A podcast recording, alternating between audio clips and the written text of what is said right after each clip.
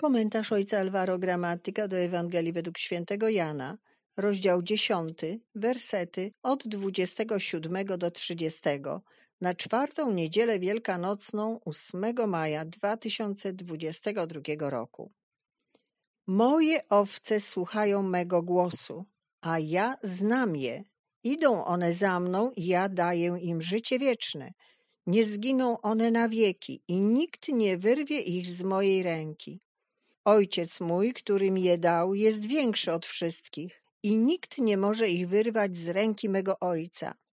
Ja i Ojciec jedno jesteśmy. W tym fragmencie Ewangelii Jezus mówi z pewną powagą i pewnością, że owce słuchają głosu pasterza i idą za nim.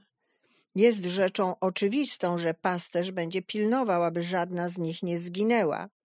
On sam otrzymał je od Ojca, który jest większy od wszystkich, potężniejszy od wszelkich niekorzystnych sytuacji, dlatego nikt i nic nie może ich wyrwać z jego ręki.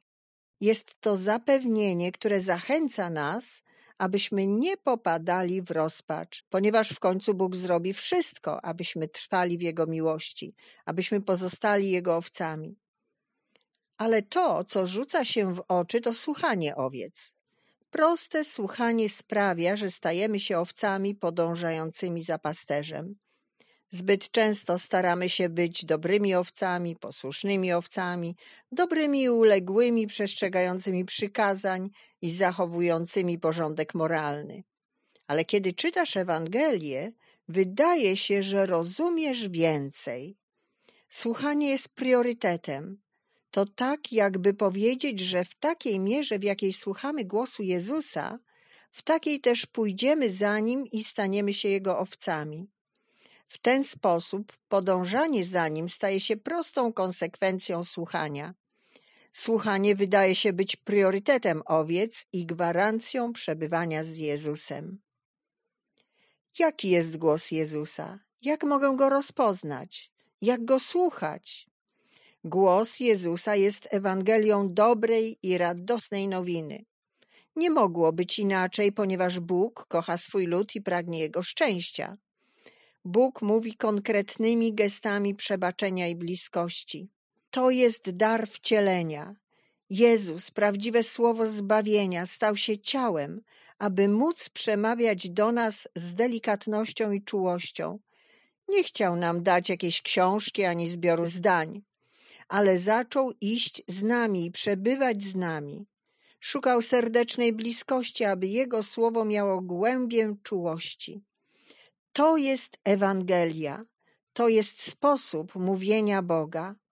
Słowo Jezusa poznajemy po tych znakach przyjaźni bliskości, obecności i miłosierdzia, które nie robią nic innego, jak tylko sieją pewność, że jesteśmy kochani i że jesteśmy w Jego rękach.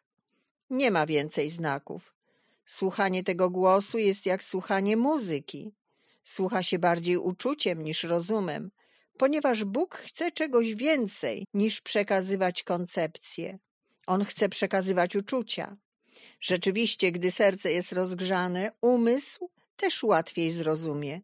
Serce musi płonąć, aby umysł się otworzył i oczy ujrzały obecność Boga, który idzie u naszego boku. Konkretnie, potrzebne jest słuchanie Ewangelii sercem, wyobraźnią, czytanie jej codziennie, zanurzanie się w scenach ewangelicznych i pozwolenie na to, aby rozkwitły uczucia. Wtedy spontanicznie pojawi się modlitwa i nasze stopy pójdą śladami Jezusa. Będziemy kroczyć u Jego boku. Dajmy pierwszeństwo słuchaniu orędzia Ewangelii Miłosierdzia, aby nawet to, co trudne, na pierwszy rzut oka niezrozumiałe i wzbudzające lęk, stało się lekkim i słodkim ciężarem, nutą w symfonii zbawienia i miłości. Nauczmy się zamykać uszy na wszelkie ogłaszanie nieszczęścia. Otwórzmy je na orędzie miłosierdzia, a wtedy nigdy nie będziemy żałować, że jesteśmy Jego owcami.